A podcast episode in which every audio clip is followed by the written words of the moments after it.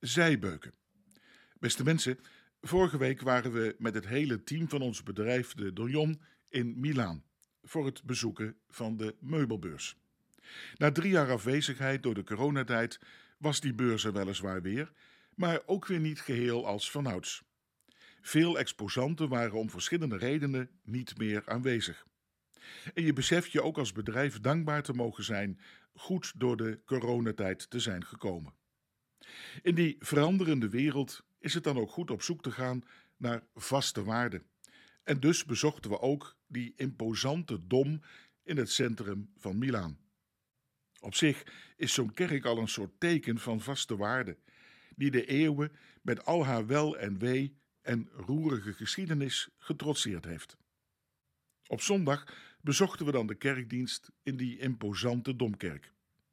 We werden keurig geleid naar het middenschip van de kerk, waar kleurrijk glas- en loodlicht ons verlichtte. Prachtig. Er was een groot immens koor, begeleid door een van de grootste, prachtigste orgels van de wereld, die als hij aanzwelde je hele lijf en ziel doortrilde. De enorme pilaren links en rechts van ons deden je tegelijk klein en ook wat groots voelen. In het midden stond het altaar en de preekstoel natuurlijk, waar ik het meest naar uitzag.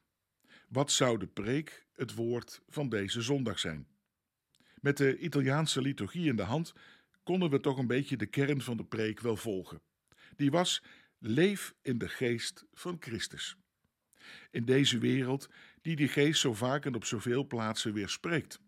Een mooi actueel thema. Maar het meest bijzondere gebeurde toch eigenlijk links en rechts van ons. Terwijl de kerkdienst gewoon voortging, liepen er grote stromen van toeristen aan de flanken van de kerk links en rechtsom aan ons voorbij. Of om de toren te beklimmen, of om gewoon rond te kijken in die prachtige dom waar van alles te zien was. Er waren plekjes voor gebed, opsteken van kaarsjes. Er liepen gidsen rond met oortjes, vlaggetjes en stille en soms ook luidruchtige gebaren om hun groepen door al die bezienswaardigheden van de kerk te loodsen. De mensen van het middenschip, waar wij op dat moment ook toe behoorden, schenen zich er allemaal weinig van aan te trekken en concentreerden zich op de kansel, het koor en de preek. Overigens kwamen en gingen ook regelmatig mensen uit dat middenschip, waardoor die hele dom een groot dynamisch geheel kreeg. Je zou kunnen denken dat er in die kerk mensen van het midden zaten, geïnteresseerd, speciaal gekomen voor de kerkdienst, en mensen die als het ware doorgangers in die kerk waren, die de kerk beleefden als een soort onderdeel van hun tour langs terrasjes, chique modewinkeltjes en restaurants. Maar in deze kerk, en ook misschien wel vaak in ons eigen leven, loopt dat ook best wel door elkaar. Ik vroeg me tegelijkertijd ook af: hebben we in onze kerken misschien die zijbeuken niet te veel afgesneden om ons helemaal op dat zeg maar aandachtsmidden te concentreren? De geest van Christus richt zich immers ook op al die mensen die zoekende zijn, die in en uitlopen, die misschien slechts lichtelijk geïnteresseerd zijn in het evangelie, maar toch behoefte hebben even door die kerk te lopen, even daarmee in contact te zijn. In die zijbeuken liepen overigens meer mensen dan er zaten in het centrum. Doorgangers dus. Maar richtte juist Jezus zich niet vaak juist op hen? Ik dacht misschien moesten we ook in onze kerken ons nog meer richten, vooral ook op die zijbeuken. Gelukkig gebeurt dat steeds meer.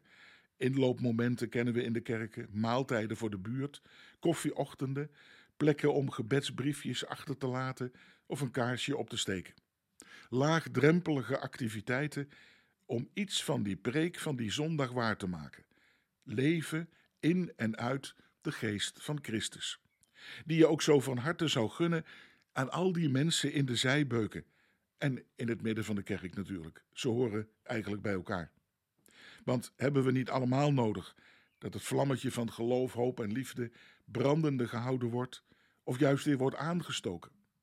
We konden het dan ook niet nalaten om na de kerkdienst in gedachtig aan onze geliefde en al die doorgangers, zoekers, afhakers en aanhakers toch een kaarsje te branden.